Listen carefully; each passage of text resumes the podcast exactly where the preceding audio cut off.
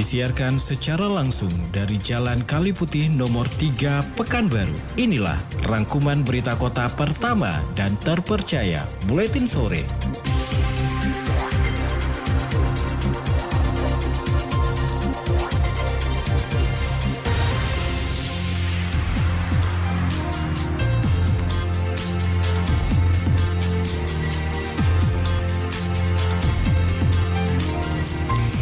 Mitra Kota inilah berita utama untuk hari ini.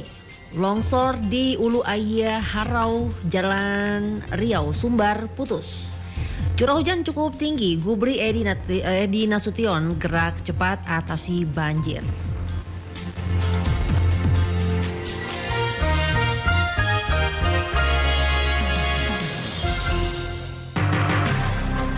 Berbagai peristiwa terjadi setiap menitnya. Dari segala sudut pandang yang berbeda. Tidak ada yang luput dari perhatian kami. baru akhirnya menemukan kasus tidak samanya jumlah pajak yang disetorkan oleh pajak. Semuanya kami rangkum untuk Anda tanpa basa-basi. Membawa kabar yang real dan terpercaya ke ruang dengar Anda tanpa ada yang ditutupi. Pemerintah Provinsi Riau berhasil menuntaskan defisit anggaran sebesar 1,9 Simak berita Kota Pekanbaru dalam Buletin Sore. Setiap Senin sampai Sabtu pukul 16.30 hanya di 975 Barabas FM. Kami percaya ada butuh yang pertama dan terpercaya. Itulah Buletin Sore. Selamat sore Mitra Kota, rangkaian informasi aktual yang terjadi hingga sore hari ini telah dirangkum oleh tim Buletin Sore. Bersama saya Indi Simorangkir, inilah Buletin Sore untuk edisi hari eh, Senin 18 Desember 2023 selengkapnya.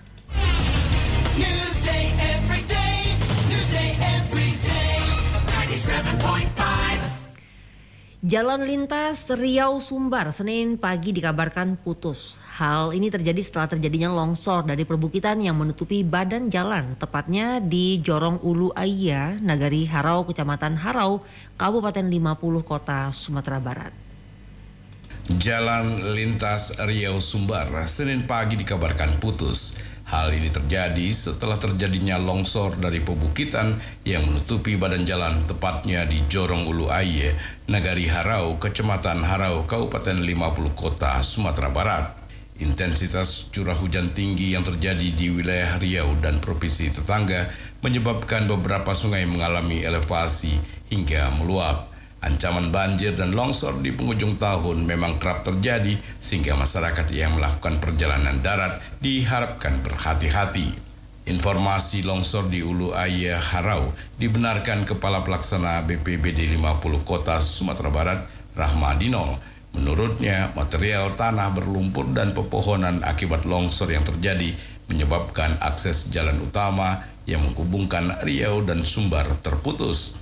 Informasi yang dirangkum perihal longsor di ruas jalan ini, kendaraan tidak bisa melintas sama sekali karena longsor dari pebukitan menutupi badan jalan hingga ke aliran sungai ke bagian bawah, sehingga antrian kendaraan cukup panjang juga sudah terjadi sejak Senin pagi. Disinggung mengenai upaya penanganan sementara, Rahmadino belum memberikan penjelasan lebih lanjut. Namun pihak terkait dari BPBD dan kepolisian dikabarkan sudah berada di lokasi. Di sisi lain adanya bencana longsor ini juga dibenarkan Kepala BPBD Riau M. Edi Afrizal. Edi Afrizal mengatakan longsor terjadi karena intensitas curah hujan di wilayah setempat cukup tinggi sejak malam sehingga mengakibatkan tebing dan bukit di tepi jalan pendakian 17 Jalan Lintas Sumbar Riau longsor. Dampak yang ditimbulkan akibat bencana ini putusnya akses jalan dari Kabupaten 50 Kota menuju arah Pangkalan, tepatnya terputus akses jalan Sumbar menuju Riau. Atas kejadian ini, Edi Afrizal mengimbau kepada masyarakat Riau untuk lebih hati-hati dan waspada jika melakukan perjalanan ke Sumatera Barat.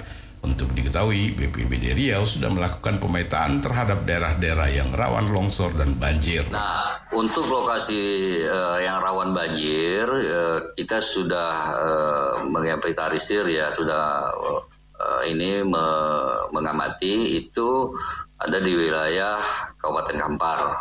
Nah, Kabupaten Kampar ini nanti dampaknya nanti akan sampai ke Pelalawan karena satu sungai itu, eh, Sungai Kampar. Akhirnya nanti Uh, kemudian Rokan Hulu. Rokan Hulu itu nanti akhirnya nanti sampai ke Rokan Hilir.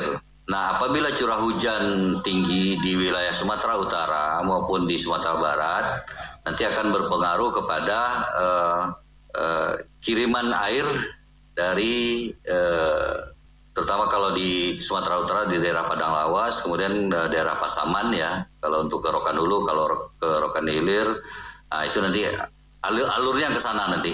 Kemudian uh, yang rawan banjir lagi uh, itu di Bengkalis. Bengkalis uh, karena itu lebih dipengaruhi kepada curah hujan tinggi, kemudian uh, air pasang. Ya, di akhir-akhir tahun ini bulan-bulan 12 ini kita biasanya uh, waspada terkait terkait dengan banjir rob, terutama di daerah Dumai, Dumai, kemudian Meranti dan Indragiri Hilir itu yang yang yang rawan uh, banjir. Prima Ermat, Tim Liputan Barabas melaporkan.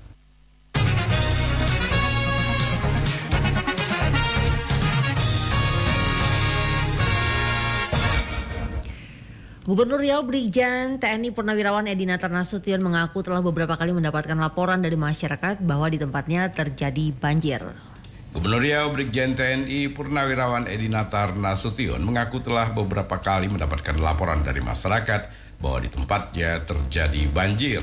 Sebagai pemimpin yang peduli kepada masyarakat, orang nomor satu di Riau itu pun merespon dengan cepat atas aduan atau keluhan yang diberikan masyarakat kepadanya dengan melakukan peninjauan sekaligus normalisasi.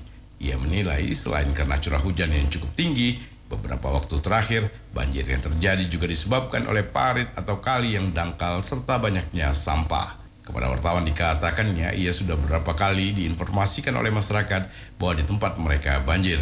Kemudian ia melakukan normalisasi terhadap parit yang ada di tempat mereka dan alhamdulillah sebagian dapat teratasi dengan baik. Maka dari itu, Gubernur mengharapkan peran aktif dari aparatur sipil negara di lingkungan pemerintah Provinsi Riau untuk memberikan motivasi kepada masyarakat agar tidak membuang sampah sembarangan.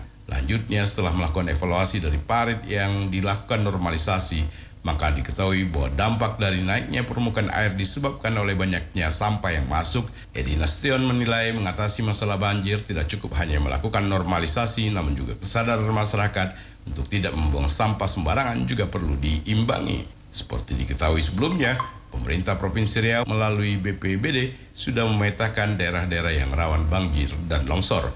Bahkan BPBD menurut Kepala BPBD Riau M. Afrizal, pihaknya sudah menyiapkan bantuan terhadap daerah-daerah yang terdampak banjir di musim hujan ini. Terima kasih.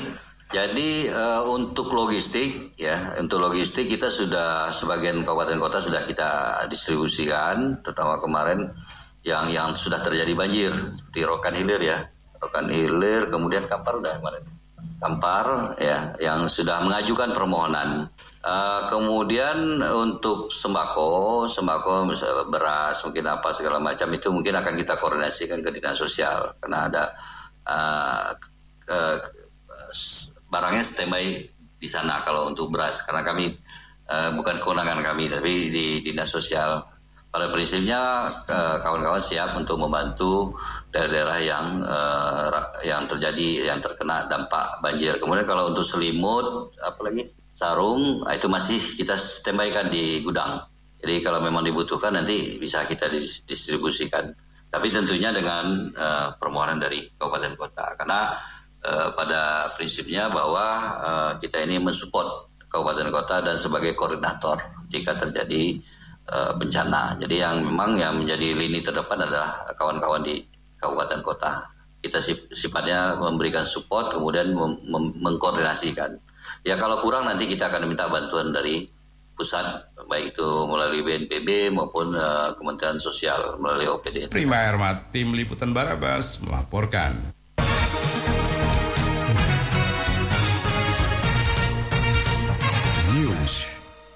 Keinformasi selanjutnya, Mitra Kota Balai Besar Sungai wilayah Sumatera saat ini tengah membenahi parit Belanda serta juga membangun 9 pompa air baru guna mengatasi persoalan banjir akibat luapan Sungai Siak.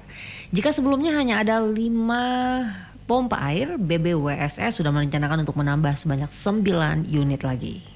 Balai Besar Sungai Wilayah Sumatera saat ini tengah membenahi parit Belanda serta juga membangun 9 pompa air baru guna mengatasi persoalan banjir akibat luapan Sungai Siak. Jika sebelumnya hanya ada 5 pompa air, BBWSS sudah merencanakan untuk menambah sebanyak 9 unit lagi. Hal ini dituturkan Sekda Pekanbaru Indra Pomina Sution sesuai dengan hasil rapat koordinasi pengendalian banjir yang digelar baru-baru ini. Antara lain diikuti oleh instansi terkait yang ada di lingkungan pemerintah Provinsi Riau, pemerintah Kota Pekanbaru, serta BBWSS. Dikatakan Indra untuk pengendalian banjir di Kota Pekanbaru tidak hanya menjadi kewenangan pemerintah Kota Pekanbaru saja, sebab berdasarkan dari master plan banjir yang dimiliki oleh Pemkop Pekanbaru, kewenangan banjir juga berada pada pemerintah pusat dan pemerintah Provinsi Riau. Karena itu untuk mengatasi persoalan banjir di Pekanbaru perlu komitmen bersama semua pihak. kemarin dipaparkan oleh kepala balai Pak Sahril mereka itu kan eh, sekarang sedang ada kegiatan khususnya eh, berkaitan dengan Sungai Siak ya tentang pembangunan parit Belanda dan juga pembangunan beberapa pompa baru di Sungai Siak. Nah, pompa pompa ini ada 9 lokasi baru dari sekarang kan 5 nanti ditambah 9 itu antara lain ada yang di muara Sungai Sail eh, ya sekitar-sekitar situlah. Ditambahkan Indra lagi untuk normalisasi Sungai Sail yang saat ini juga masih belum rampung. Dalam waktu dekat, pemerintah Kota Pekanbaru bersama BWSSS akan melakukan pembaharuan kerjasama. Mengingat kerjasama terdahulu telah lebih dari dua tahun. Desi Suryani, Tim Liputan Barabas, Maporken.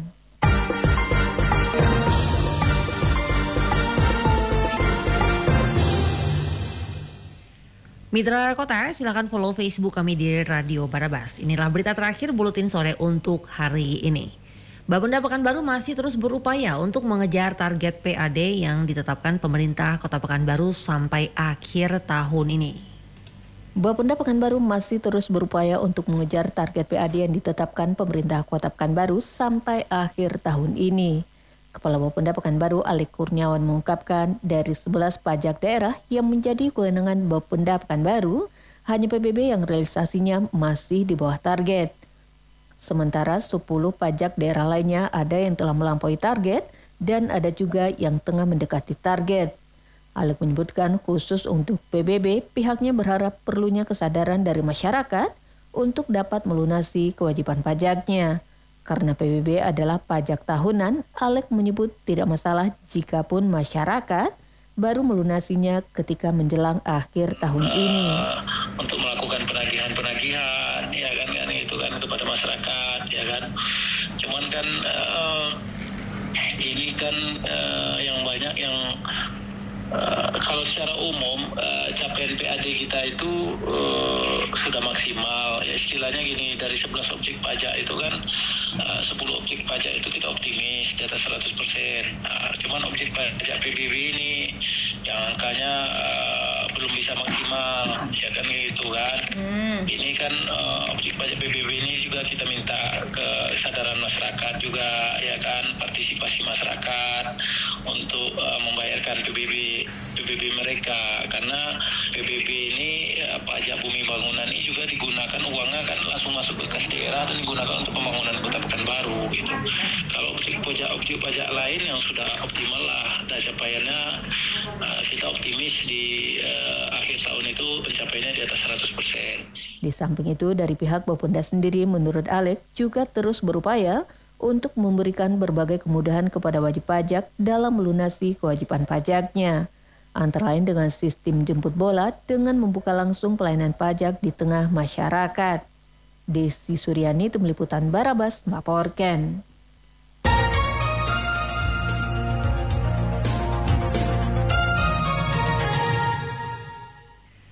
Mitra Kota demikian rangkuman berita yang kami hadirkan dalam Buletin Sore untuk hari ini. Sampaikan kritik dan saran Anda ke redaksi Buletin Sore Radio Barabas 975 FM, Jalan Kaliputi nomor 3 Pekanbaru, telepon dan fax 42733. Saya Indi Simorangkir membaca berita, Joki Wiratno dan Desi Suryani penata naskah, GKI Putra produksi dan Prima Ermat produser serta seluruh tim Buletin Sore pamit. Terima kasih atas kebersamaannya, selamat sore dan abadikan kami di hati Anda. Berbagai peristiwa terjadi setiap menitnya. Dari segala sudut pandang yang berbeda. Tidak ada yang luput dari perhatian kami. baru akhirnya menemukan kasus tidak samanya jumlah pajak yang disetorkan oleh wajib pajak. Semuanya kami rangkum untuk Anda tanpa basa-basi. Membawa kabar yang real dan terpercaya ke ruang dengar Anda tanpa ada yang ditutupi. Tanpa APBD perubahan 2018, namun pemerintah Provinsi Riau berhasil menuntaskan defisit anggaran sebesar 1,9 Simak berita kota Pekanbaru dalam Buletin Sore. Setiap Senin sampai Sabtu pukul 16.30 hanya di 975 Barabas FM. Kami percaya ada butuh yang pertama dan terpercaya. Itulah Buletin Sore.